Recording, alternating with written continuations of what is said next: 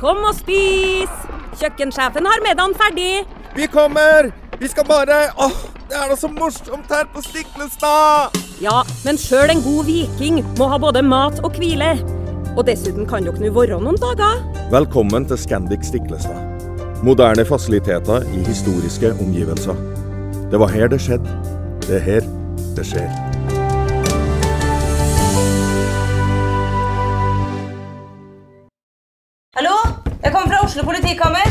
Ine Jansen er purk. Er du purk? The motherfucking bitch. Alt jeg vil, er å finne ut hva som skjedde med mannen min. Jon Carew. Er jeg sikta for noe? Iben Akeli. Det er du.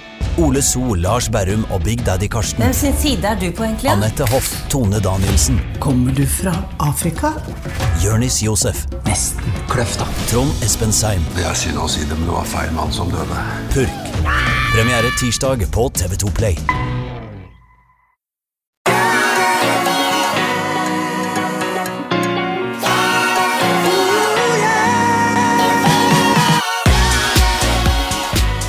Velkommen til podkasten Hjernesterk. Vi, eh, vi eh, har eh, vi hadde, vi hadde en runde med noen leserinnlegg. Og så var det da Alfred Borgenvik som sendte inn et om BMI.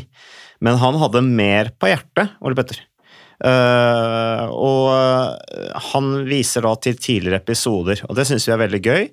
Eh, vi spiller inn, og så kommer det innspill, eventuelt eh, ros, ris, refleksjoner i forhold til det.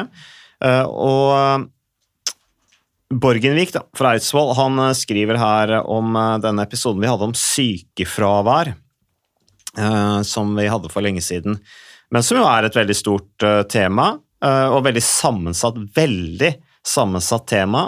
I den episoden der, Ole Petter, så snakket vi nesten ikke om eh, fysisk aktivitet, faktisk. Det burde vi jo egentlig ha gjort. Og det påpekte du også etter episoden, at Mats, vi glemte jo egentlig å snakke om fysisk aktivitet. Uh, samtidig som jeg tenker at det er litt sånn naivt også. Uh, at liksom, Jeg har jo inntrykk av noen ganger at folk bruker det med sykefravær rått for å selge inn fysisk trening i bedrifter. At uh, hvis bare alle trener, så går sykefraværet ned. Og jeg, vi har jo klokketro på fysisk trening for god fysisk og mental helse. Og hvis du mistrives på jobb, så er det kanskje enda en grunn til å trene. av nettopp den mentale helsa. Hvis, le- hvis lederen din er en dust, så er det enda en god grunn til å trene fysisk, nettopp for å få mental stayerevne til å tåle å stå gjennom arbeidsdagen. Men samtidig så er det jo gjerne, skyldes det jo gjerne dårlig ledelse. Eh, Det kan også skyldes eh, tøffe arbeidsbelastninger, selvfølgelig, som vi også til en viss grad også kan eh, hjelpe hvis man er i god fysisk og mental form. Eh, Men særlig det psykososiale miljøet har mye å si på sykefravær. Eh, veldig sammensatt, veldig helhetlig, som sagt. Men her skriver Borgenvik han, han er også inne på noe annet her, og viser til Danmark. Han skriver Hei, Ole Petter og Mats. Når det gjelder episoden om sykefravær, følger jeg dere på det meste av argumentasjonen, men jeg synes det mangler et punkt der hvor dere f.eks. sammenligner med tall fra Danmark. Så skriver han i parentes som har ca. halvparten av korttidsfraværet hos oss i Norge. Og at dette kan henge sammen med de gode sykelønnsordningene vi har. Um, godt poeng. Jeg har jo tenkt på det mange ganger, at uh, det er jo uh, Altså, du, du og jeg, Ole Petter, vi er jo ikke fast ansatte. Vi, jo, uh, vi driver for oss selv. Uh, jeg er jo aldri borte fra jobb, men samtidig så har jeg også en superfleksibel arbeidsdag, så jeg kan tilrettelegge dagen slik at jeg kan få jobba når jeg på en måte jeg vil. Um, det er jo ikke så lett for folk som er fast ansatte fra åtte til fire. Uh, men hva er dine tanker om dette med sykelønnsordningene? Er det, er det for lett å være borte fra jobb, rent økonomisk? Er ikke det litt av poenget med spørsmålet her? Eh, Godt spørsmål. Jo da, jeg tenker at eh, det er en tosidighet til dette. I utgangspunktet så er jeg veldig glad for at jeg og min familie bor i et land som har eh, så gode sosiale ordninger som det Norge har. Mm. Blant annet med tanke på sykepengemuligheter, altså dette med sykefravær og bli dekket økonomisk. Det, det tar vi egentlig som en selvfølge. Ja. i Norge, og det er det ikke, altså. Selv i det land vi kan sammenligne oss med, hvor det er, hvor det er helt utopi. Eh, USA bruker vi også, vi er ganske like USA på veldig mange ting. Mm. Eh, I USA, hvis du f.eks. havner i en ulykke som ikke er selvforskyldt, la oss si du havner i en bilulykke, så havner du på sykehus, og så er du borte i tre uker, eh, kanskje vært alvorlig skadet, og, og så er det ikke noe selvfølge at du får noe lønn, eh, sykepenger, i den eh, perioden. Langt ifra. Da må du ha en egen forsikring, som mange ikke har. Det kan godt tenkes at du må selge huset ditt etterpå, eh, fordi det er så dyrt. Det blir ikke dekket av staten, mm. sånn som det i stor grad gjøres i Norge. Og det er ikke sikkert du har noe jobb å komme tilbake til engang. Så det er den ene siden av det. Jeg er veldig takknemlig for at vi har det, og jeg tror det store over hele, det er veldig bra. Så er jo neste spørsmål, og det tenker jeg blir en konsekvens av det første, når du har en ordning som er veldig raus og omfattende, og som virkelig er bra den dagen du trenger det, eh, så er det også en sjanse for at den kan bli, kall det i anførselstegn, misbrukt, at det kanskje er litt for lett å få noen av disse tjenestene. Eh, og Det er jo en diskusjon som jeg tror vi må tørre å ta. Og, for det er jo et paradoks her at eh, hvis du ser på alle objektive parametere for folkehelse, altså helsa til en befolkning, så ligger jo Norge helt i toppen. Altså, vi, vi lever lenge, vi har, god, vi har lav spedbarnsdødelighet, eh, vi har generelt veldig god helse i Norge sammenlignet med veldig mange andre land. Allikevel så topper vi sykefraværsstatistikkene på land det er helt naturlig å sammenligne oss med. Folkehelse er ganske lik i Sverige, Norge og Danmark. Sykefravær i Norge ligger vel på sekstallet et eller annet sted. Mm. I Sverige så er det halvparten, og enda litt lavere, omtrent halvparten. Kanskje ikke fullt halvparten, men, og i Danmark enda lavere enn det. Og, og, og det kan nok være flere forklaringer på det, annet hvor stor andel av arbeids... eh, arbeids hva heter det? Arbeidsstokken? arbeidsstokken eh, i Norge er eldre. Hvor mange er kvinner med sant, kanskje med hardt arbeid? Kvinner ser vi generelt sett har sykemeldt mer enn menn. menn. Så det kan ha noe med, med, med hvordan den er satt sammen, arbeidsstokken. Da. Men, men jeg tror allikevel uh, det er ganske ukontroversielt å si at en grunn til at det norske sykefraværet er så høyt, er at det er veldig gode betingelser for å være sykemeldt. Ja. Og, um, og det er på den ene siden veldig fint. På den andre siden så tror jeg vi må tørre å ta diskusjonen om at det kanskje er terskelen for lav, og uh, at det blir veldig dyrt. Og- Og det, det kan du bare ta sånn kort da. Jeg kjenner godt til ordningen i Norge og i Sverige. I Norge så er det jo sånn at du får lønn fra dag én, den dagen du blir sykemeldt. De første 16 dagene er det vel, så er det arbeidsgiveren din som dekker eh, kostnadene hvis du er ansatt, og, og etter det så plukker Nav opp. Eh, og du kan få inntil 6 G. Uh, en G er vel litt over 100 000 kroner. Så har du en lønn som ligger innenfor 6 G, så vil du få 100% av lønna di mens du er sykemeldt. Altså du får samme lønn om du er i jobb eller om du er sykemeldt. Ja. Og du kan være sykemeldt et år, og så kan du ha rehabiliteringspenger og at, ja. Det er ganske omfattende og, og, og, og, og bra dekning, da. I Sverige så er det to ting som er annerledes enn i Norge. Og Det ene er at du har en karensdag. Det vil si at den første dagen du er syk, så får du ikke lønn. Så i Norge får du lønn fra dag én, i Sverige fra dag to. Og i Sverige så ligger dekningen på 80-90% ikke 100 Så det er en dag du ikke får lønn, og så får du litt mindre utbetalt om du er sykemeldt, enn om du er i arbeid. Og, og, og det gjør jo da at det er færre som er sykemeldt. Altså det, det er en grunn til det. Mm. Så kan du diskutere om det er, er riktig eller ikke. Eh, Og de som er for dette, mener jo at ja, det er for lett å få en sykemelding i Norge hvis vi hadde lagt inn en karensdag. Altså underforstått at det er en del som er borte fra jobb, som fint kunne ha vært på jobb. Og jeg tror jo ikke det er normen, men jeg har jobbet lenge nok til som fastlege å se at terskelen for å be om en sykemelding, den er ganske lav Ja. hos mange. Og, og, og det er veldig vanskelig og sammensatt. Og, og, ofte så må man jo ha en, man må ha en diagnose for å kunne få en sykemelding. Og så viser det kanskje at det er egentlig ikke det som er problemet. Problemet er at man ikke trives på arbeidsplassen osv. Hvor man, man selvfølgelig kan gå på jobb, man kunne vært på arbeid. Ja. Ja. Og så er kanskje vi leger litt for slepphendte til å, å lage disse sykemeldingene. Ja, og det er jo ikke så rart det er det, fordi at man kan jo shoppe fastlege òg. Ja, det er en litt vanskelig rolle, fordi at eh, Det vet jeg jo fordi jeg har jobbet som dette i veldig mange år. Og um, vi som fastleger er jo først og fremst pasientenes advokater. Altså, Vi skal bidra og ivareta og tenke hva er i pasientenes beste interesse. Samtidig så er vi litt sånn portvoktere uh, i samfunnet for å bruke disse um, ordningene som koster penger. Det er legen som bestemmer om et legemiddel skal være på blå resept, det er vi som bestemmer om man skal sykemeldes, så vi skal vokte litt om de ressursene vi har. Og det blir en litt sånn vanskelig dobbeltrolle. Når du da både skal være pasientens advokat, men også prøve å ivareta de samfunnsmessige, den samfunnsmessige viktige rollen.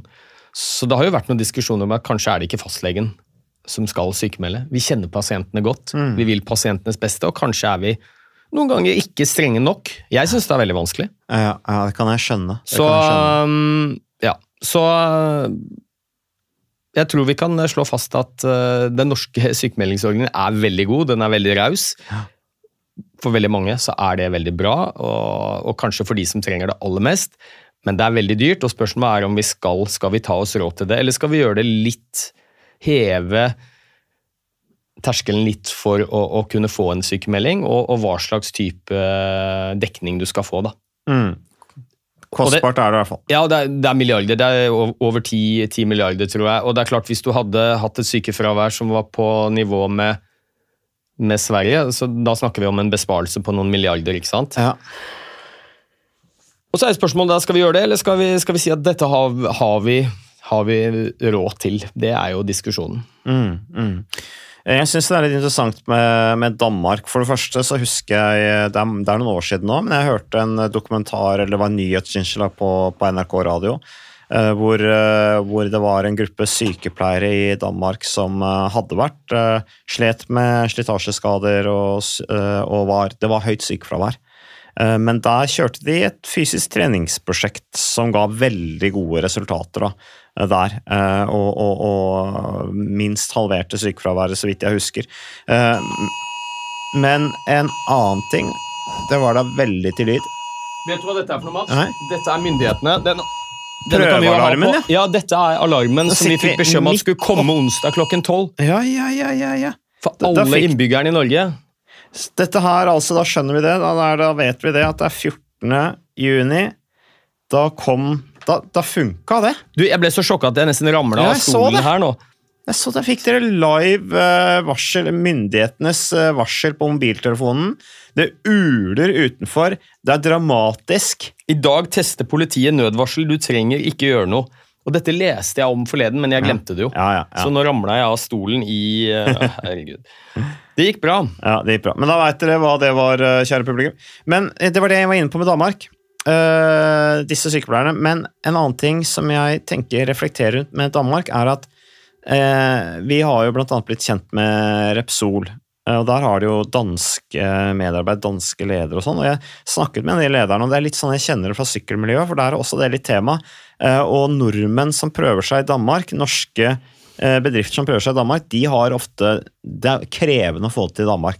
Og hvorfor er det sånn? Danskene blir sett på som noen tøffinger. Rent sånn forretningsmessig eh, så er de noen tøffinger. Eh, Det er flere mennesker der, de har kortere vei ned til kontinentet, kanskje vant til å konkurrere på litt større marked. Eh, Og spørsmålet er om vi er litt sånn her oppe i Norge, om, vi- om vi er litt sånn utenfor land som, som kanskje ikke har den litt tøffe mentaliteten, da. Som de kanskje har i Danmark. Som også preger eh, sykelønnsordningene der, og at det er litt mer sånn kamp for overlevelse. da. At det er rett og slett eh, et tøffere, tøffere konkurransesamfunn, rett og slett. Jeg vet ikke, Det er litt sånn filosofisk spørsmål. Hva tenker du om det? Jeg Tror det kan ha noe for seg, altså. Ja. At, det, at det kan stemme. Ja. Så vi er et snilt samfunn. Vi har det godt i Norge. Uh, Ja da, vi legger og- opp til gode ordninger. Vi har masse penger pga. olja, uh, så vi, vi sulter ikke. Um, og, og, og, vi kan ta oss råd til det. Og så er jo da spørsmålet liksom hvor lenge skal vi holde på sånn når det er kostbart, og hvis det, hvis det har den negative effekten at det gjør at uh, folk eh, sykemelder seg unødvendig, så det påfører da samfunnet en unødvendig kostnad, så er det dumt. Samtidig som takk og lov for at vi har det systemet for de som virkelig trenger det. Ja, jeg, jeg, og jeg tror eh, vi- kan gjerne ha en diskusjon om vi skal gjøre noen små endringer i sykelønnsordningen i Norge. Jeg tror i bunn og grunn vi skal være utrolig takknemlige for at vi har den. Vi tar den for gitt. Um, sannsynligheten for å bli født i Norge og være så heldig at du vokser opp i Norge, det er jo ingen som kan bestemme det på forhånd, det er tilfeldig. Det er tilsvarende sannsynligheten. Hvis du ser på alle barn som ble født i hele verden, og ser hvor mange av dem som ble født i Norge, så er den statistiske sannsynligheten for å bli født i Norge, det er omtrent på lik linje med å ta en kron eller en mynt, og slå kron og mynt, og få samme side opp 17 ganger på rad. Altså forsvinner lite sannsynlig. Og øh, vi tar det litt for gitt. Og så er det noe med at øh, dette er så godt forankret i den norske folkesjela, dette denne sosialdemokratiske tankegangen hvor det er gi etter evne, få etter behov. Det er liksom den sosialdemokratiske tankegangen. Den er veldig godt innarbeidet i Norge. Når jeg forteller mine venner og bekjente i USA, hvor jeg er mye, om hvordan sykelønnsordningen i Norge er, altså så rister de på hodet. Det kunne aldri, de kunne aldri i USA fått et lignende opplegg. Nei. Og det er fordi tankegangen der er at det er individet eh, som bestemmer. Altså du er selv eh, ansvarlig for din egen suksess, eller om du får ting til eller ikke. ikke? Den amerikanske drømmen, de, hvor de tenker at alle har likt utgangspunkt. Du må sørge for din egen lykke, du skal ikke eh, være avhengig av myndighetene eller lignende. Og når jeg forteller en amerikaner, de spør jo ofte hvor mye betaler du i skatt, og jeg sier det, så sier de herregud, jeg kan ikke skjønne altså, Men og sykepengeordning, så mener du at du skal da For jeg sier jo at jeg, jeg, jeg er jo veldig sjelden syk. Ja. Jeg er heldig og sikkert tatt noen valg også som gjør at jeg er lite borte fra jobb. Og De som er lite borte fra jobb, de er jo da selvfølgelig med på å finansiere, som alle andre, de som er mye borte fra jobb. Og, og det er en helt grei tankegang i Norge. Gi et evne, få etter behov. Men i USA så ville de jo si at herregud, hvis du er borte fra jobb, så er det jo fordi du er lat. Ja. Ikke sant? Og du, du eier ikke skam, og, og, og, og de klarer ikke helt å se tanken at folk har forskjellig utgangspunkt, og det er sammensatte grunner til at folk er sykemelde, sykemeldte. Det er veldig sjelden det skyldes vondt i vilja, eller at man jukser. Og så har de jo en helt annet system også i USA, Ja da, med forsikringsordning. så- men- privat. Litt av poenget mitt her er at eh, det er utrolig vanskelig å få gjort endringer i sykelønnsordningen i Norge, og det er fordi den har vært veldig god og raus i veldig mange år. Det er en del av den sosialdemokratiske tankegangen, og det å gjøre den mindre attraktiv Det er alltid vanskeligere å ta bort en gode. Du har hatt en gode, og så skal du fjerne den. Det er utrolig smertefullt. Hadde vi startet på nytt nå og skulle lage en ny sykelønnsordning, så tror jeg de fleste ville vært enige om at da må vi ha noen flere restriksjoner. Kanskje en karensdag hvor du ikke får lønn, kanskje litt lavere prosent av dekning. Eh, Og det hadde man kanskje gått med på hvis det var en ny ordning, men når den gamle ordningen har vært sånn som den har vært i alle år, så er det jo politisk nesten suicid for politiske partier å, å foreslå endringer i sykelønnsordningen. Den er så sterkt forankret bl.a. i LO, Ja. arbeiderbevegelsen, at eh, jeg tror de fleste politiske partier bare har gitt opp. At de klarer ikke å få dette gjennom allikevel. Men, men det er dyrt, da. Så det er milliarder å spare på å kanskje gjøre noen små endringer. Så oppsummert, jeg tenker vi skal være veldig glad for at vi har den ordningen vi har. Og så kanskje kan man gjøre noen justeringer. Kanskje er den litt for raus. Mm. Og, eh, og at vi Kanskje kan vi stille litt større krav til før man skal få sykemelding. Nå snakker jeg litt fra legenes ståsted. Um, jeg fortalte for øvrig min uh, onkel, uh, som er skipsreder.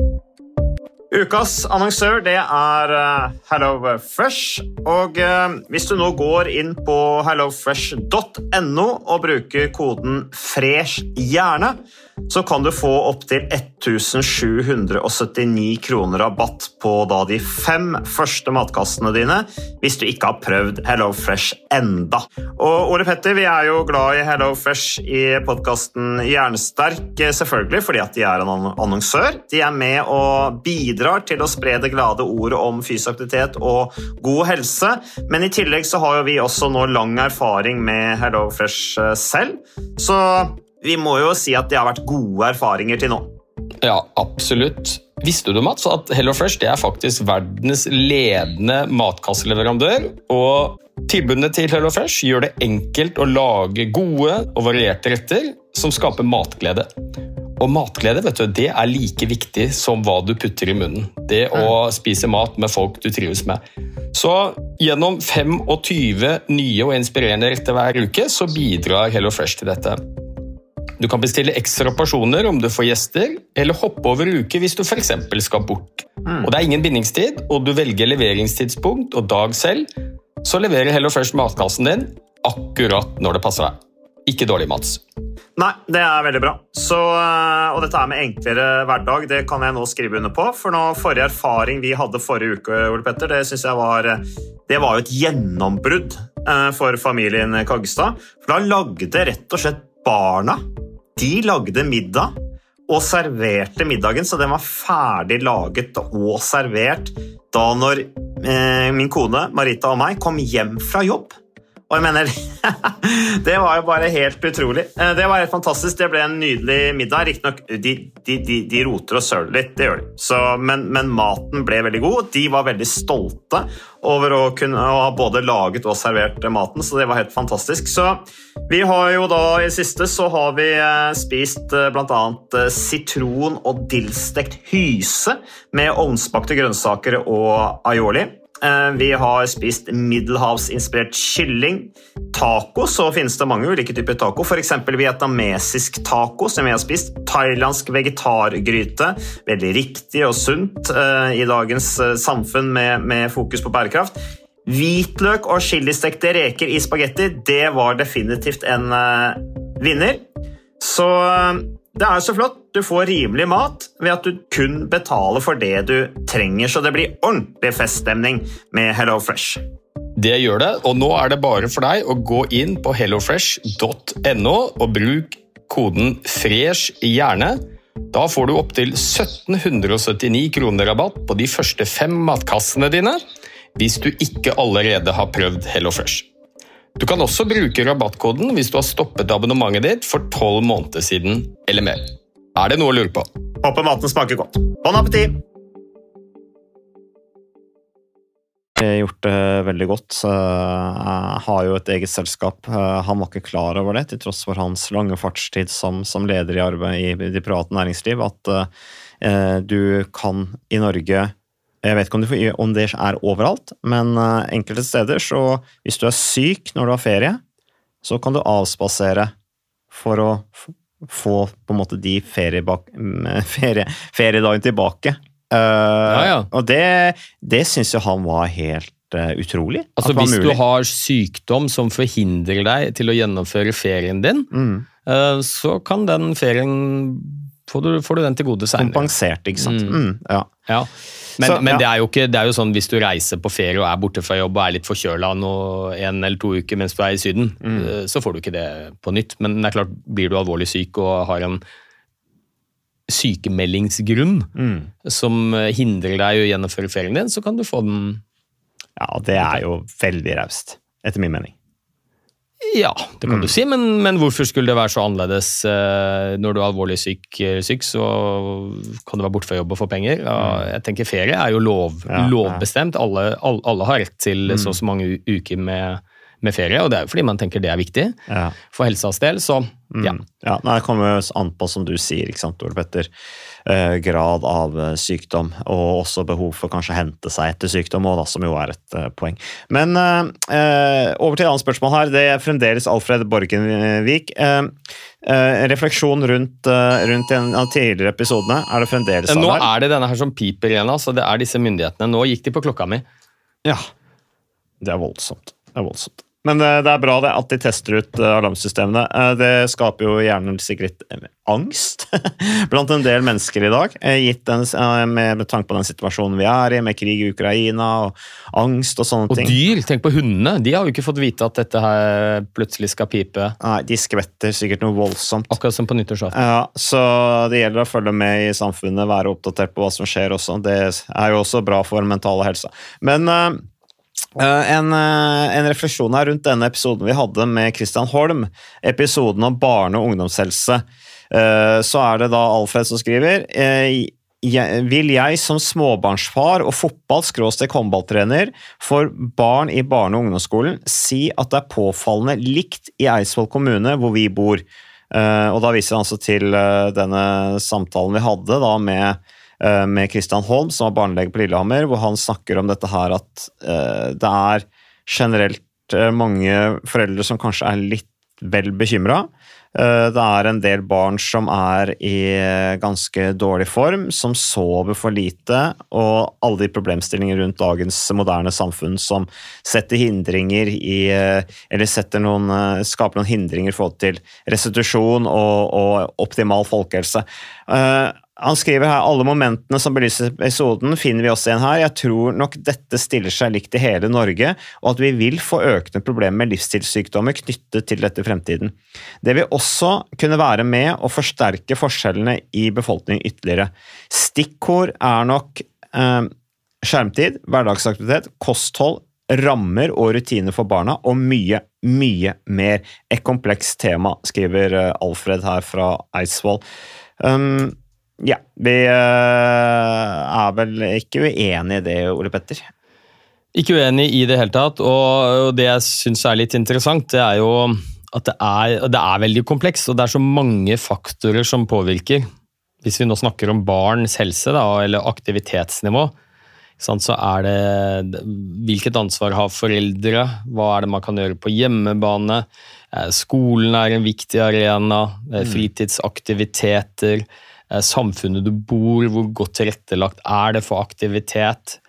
Så um, og jeg tror jo, ja, spesielt når det gjelder for barn, da, hvis vi nå snakker om fysisk aktivitet, så er det litt annerledes enn hos voksne. Når det gjelder voksne, så snakker vi ofte om holdningskampanjer, og vi skal bidra til å motivere flere til å bevege seg, voksne og eldre. og Det er en ganske utfordrende jobb, men den jobben er veldig lett hos barn. Fordi disse barna våre de er jo laget for bevegelse, og det er, det er, det er så kult å se. Slipp et barn løs, holdt jeg på å si. Det, det er ikke det vi har det i bånd, men eh, du ser det er barn sant, som går ut av bilen og kanskje skal på skolen eller skal på fotballterreng. Hvordan kommer de seg dit? Når jeg er ute med barna mine i bybildet og sånn, de løper jo. Ja. Det er helt naturlig å, å bevege seg fort fra punkt A til B. De Mm, jogger og er spretter og Ja, ja. hinker og, og gjør alt dette her. ikke sant? Så vi må altså bare legge forholdene til rette for at det er litt lettere å få den utfoldelsen. Og Det er jo derfor skolen sant, er en viktig arena. Mm. Hjemme også. At man eh, stimulerer til lek og aktivitet hos barna. At det ikke blir for mye stillesitting inne. Um, så det, ja, det er superkomplekst. Mm. Og um, ja, eh, jeg tror også det har en, eh, en verdi dette å ha noen lover og regler, vedtak, ikke sant? blant annet med, som påvirker kosthold og, og fysisk aktivitet. Skolen har vi snakket uendelig mye om, viktighet å få mer bevegelse inn der. Nå har det jo skjedd en del rundt uh, markedsføring av usunn mat overfor barn. Det er jo en gigaindustri, hvor du ser at veldig mange av de store aktørene retter seg annet mot barn og ungdommer. Det er ikke så rart det. De har denne prefrontale cortex som ikke er ferdig utviklet. De er mer impulsive, går etter umiddelbare behov i større grad enn det voksne gjør. Så de er jo en ideell målgruppe eh, for usunne produkter. Og det ser det ut som det blir litt regler for. Kanskje skal man gjøre noe med skjerm. Mm. Mm. Jeg tror jo ikke at eh, det omfanget vi har i dag av skjermbruk, det er så vanvittig svært at det å snakke med barna våre og motivere og stimulere til god skjermbruk, altså det er ikke nok. Jeg tror det må noe regel- eller lovendring på banen. Mm, at det virkelig skal bli vei i, i, i, i vellinga. Så, men det er utrolig komplekst, og jeg tror det viktigste vi gjør, det er jo å, å tenke helhetlig når vi skal prøve å fokusere på bedre helse hos befolkningen. Vi må tenke forebyggende, vi må tenke på nærmiljøet der folk bor. Vi må gjerne tenke på kampanjer og anbefalinger og retningslinjer og alt, alt mulig sånt. Vi må jobbe på alle arenaene hvor folk befinner seg. Mer jobb i arbeidslivet, ha fokus på dette. Mer på skolen, barnehager. Um, ja. Uh, vi, uh, vi er Altså, vi må ta vare på oss selv. Uh, bevisstheten rundt å ta vare på seg selv må opp. Eh, bruk av metoder for å kunne ta vare på seg selv som vi selv kan gjøre, som ikke er for vanskelig, eh, må, må, må øke kunnskapsnivået om. Um, Ja, og så er, det, sant, så er det det store utfordringen, og det har vi snakket om mange ganger, det er hvordan når du de som trenger det mest. vi har en veldig polaritet i befolkningen både når det gjelder eh, kosthold og fysisk aktivitet. Vi har en gruppe nordmenn som er veldig opptatt av å spise sunt. For eksempel, og De ser du ofte i debatter. og Skal det være lavkarbo, høykarbo, skal det være fasting? Hva skal det være for noe? Men så har du generelt et eh, relativt dårlig kosthold hos en stor del av befolkningen.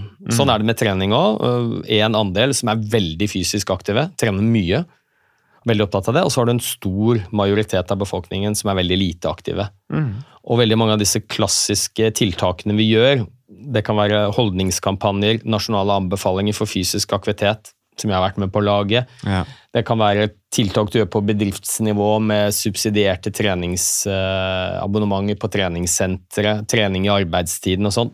Fine tiltak. Sykle til jobben-kampanjer og sånn. Det vi ser er jo, Du treffer jo først og fremst de som allerede er veldig aktive. Ja. Hvordan skal vi nå de som er minst aktive? Da, da funker ikke det. Så det, det tror jeg er viktig. Altså. Vi må, og vi må se at det er ja, det er ditt eget ansvar om du skal bevege deg eller ikke, men det er ikke sånn at hvis du sliter med å få fysisk aktivitet inn i hverdagen, så er du lat. Eller mangler motivasjon. Det kan være at du har en livssituasjon med en stram økonomi hvor du, hvor du er bekymra for å få endene til å møtes. Du må jobbe masse, du er stressa, du er bekymra. Det gjør at du ofte tar litt dårlige helsevalg. Det kan være grunn til at du røyker fordi du er stressa. Um, det er lettere å, å velge usunn mat, for den er rimeligere enn den sunne maten. Så jeg tror vi må Det blir se fort en negativ spiral. Det gjør det. ja, øh, Sosioøkonomiske kår, Mm. altså hvordan du vokser opp og, og Det har utrolig mye å si for hvilke valg du tar. Mm. Så Bekjempe fattigdom, alt dette her altså, Hvis du skal få flere til å bevege seg, så kan du ikke bare drive og eh, gni litt på Eller stimulere den gruppen som allerede er veldig fysisk aktiv og tar disse valgene. Nei. Vi må mye større grad prøve å ha lavterskeltilbud, kanskje ikke snakke om trening i det hele tatt, bevegelse. Enda større fokus på å legge forholdene til rette. For de som er motivert for å trene, de trener uansett.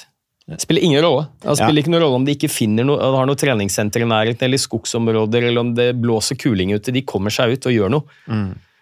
Men det er de som sliter med dørstokkmila, og som kanskje innerst inne vet, som de aller fleste vet, at man burde for helsas skyld bevege seg litt mer, men det er så jækla vanskelig å få det til i hverdagen. Det er der den store gevinsten ligger. Og da er det ikke så mye som skal til. Legge forholdene litt bedre til rette, så det er litt lettere å ta de gode valgene. Vi var jo eh, Vi har jo vært ute i eh, Nordsjøen, eh, Ole Petter, på besøk på Inspire-plattformen ute på Yme-feltet hos Repsol, som inviterte oss ut der. Vi har jo jobbet med Repsol i tre år. Og du nevner dette med kampanjer, men de driver jo ikke med en kampanje. De driver jo med kontinuerlig oppfølging av mosjon og fysisk aktivitet som en felles målsetting på arbeidsplassen, og bygge en kultur rundt det. eh, Og, og, og, systematisere det og strukturere det, eh, sånn at det blir, eh, blir synliggjort og, og skaper en bevissthet og motivasjon og kollegialt engasjement som, som, gjør, som, som gjør at de ansatte heier på hverandre. Det er målet. Ja. Uh, vi, jo, vi har hatt veldig mange ref interessante ref, eh, samtaler der ute blant nordsjøarbeiderne. Uh, rundt deres hverdag, hva som hindrer de å få trent, uh, hva som stimulerer. Dette med jobbelastning, dette med skiftarbeid, uh, dette her med at man er sliten, trøtt. og, og, og da har jo du snakket mye om og det er jo veldig lett å si, og du er veldig ydmyk når du sier det også til de personene vi snakker med, at dette her, ja, det er særlig når du er mye stress, det er særlig når du er sliten, at den fysiske aktiviteten eller den mosjonsøkta har god effekt, da. Helsegevinst. Ja, det er da den største Ja, men det er da det er vanskeligst Ja, å få det til. Da. ikke sant? Det det, det. og det er jo et paradoks. Mm. At det er når du trenger det mest, det er vanskeligst å få det til. Og, og, der, og det er det som er litt inne på min refleksjon også. eh, Mange føler seg slitne. De har mange utfordringer i livet. La oss si at du har mange negative utfordringer i livet. da.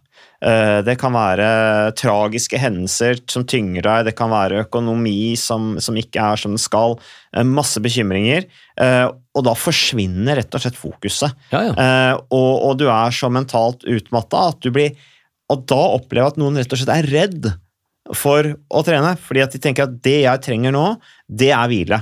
Det er, det er å bare ligge ned, sløve hjernen f.eks. Med, med, med Netflix eller hva det måtte være, og koble av fra virkeligheten.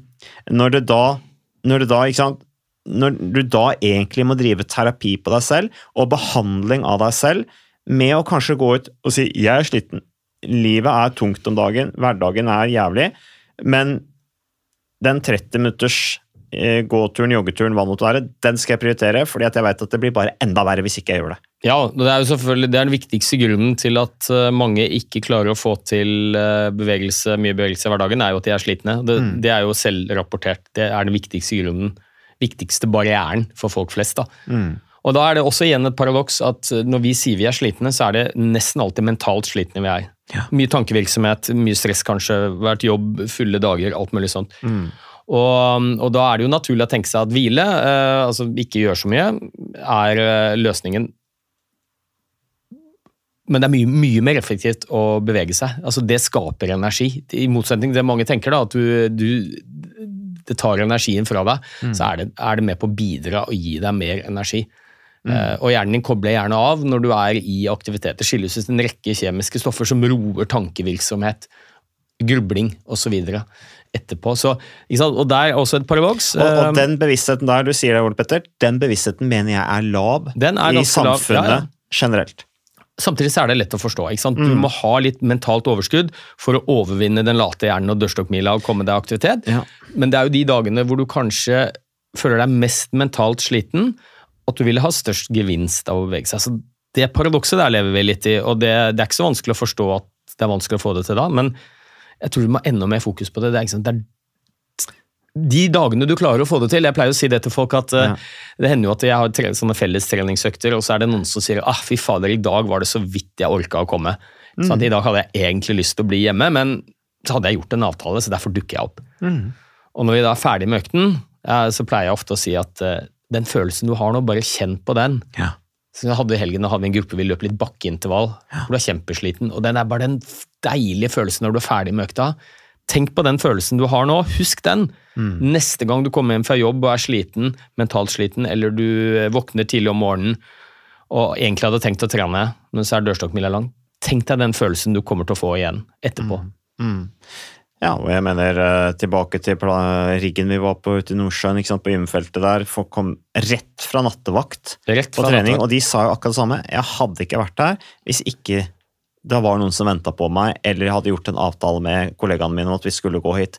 Eh, Så, så, så det, er, det er veldig interessant å se, men mestringsfølelsen da over å skal jeg gjøre det? Veldig i tvil om jeg orker, men jeg drar ut og gjør det likevel. Tenk deg så fornøyd de var etterpå, da. Mestringsfølelsen etterpå er jo Ja, ja. helt enorm, og gir jo en kjempemental gevinst. Ja, og her har du et superenkelt verktøy. altså Vi vet at du dobler sannsynligheten for å møte opp på en treningsøkt, eller en, du dobler aktivitetsnivået ditt hvis du gjør det sammen med noen andre. Mm.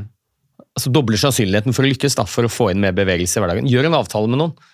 Ja, men jeg var bare en refleksjon rundt det du sa. ikke sant? Det er lett å forstå at folk føler at de skal Eller ja, det er lett å forstå at folk kutter ut treninga fordi de føler seg slitne. Eh, Det er lett å, å forstå den følelsen. Men hvis vi på en måte skal ta argumentasjonen her, da, eh, hvor vi var inne på at bevisstheten er generelt lav, så er jo det egentlig en feil. Det er en feil forståelse. Altså, det, det, er- det, du kan, det er så mange argumenter mot den følelsen og den forståelsen Ja, ja. at fordi at det bunner i lavt kunnskapsnivå. Og det er det jeg sier. Den, den mangelen på kunnskapsnivået, det er, det er den vi mangler generelt i, i, i, i befolkningen. Og jeg mener at den, den er veldig lav, eh, kunnskapsnivået om gevinsten fysisk trening har på mentalt og, og fysisk velvære. Ja da, og vi, vi er litt inne på det hvorfor vi startet denne podkasten Hjernesterk. Det er veldig mye fokus på hva som er bra for kroppen, det vet alle. Ikke en nordmann som ikke vet hvor viktig det er å bevege seg for hjerte og blodtrykk og kolesterol og øh, kroppslig helse. Og så har vi mye mindre kunnskap og øh, bevissthet rundt gevinstet det har på hjernen. Alt fra mentale funksjoner, hverdagsfunksjon, til mental helse.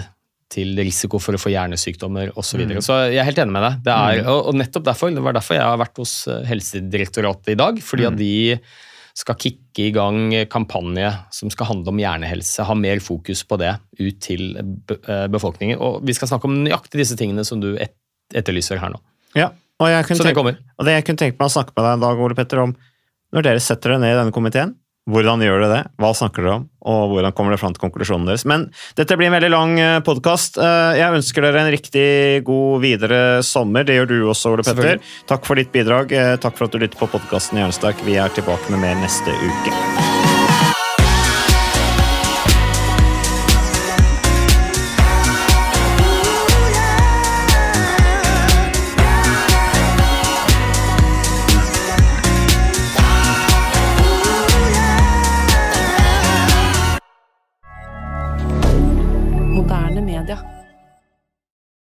Har du et enkeltpersonforetak eller en liten bedrift?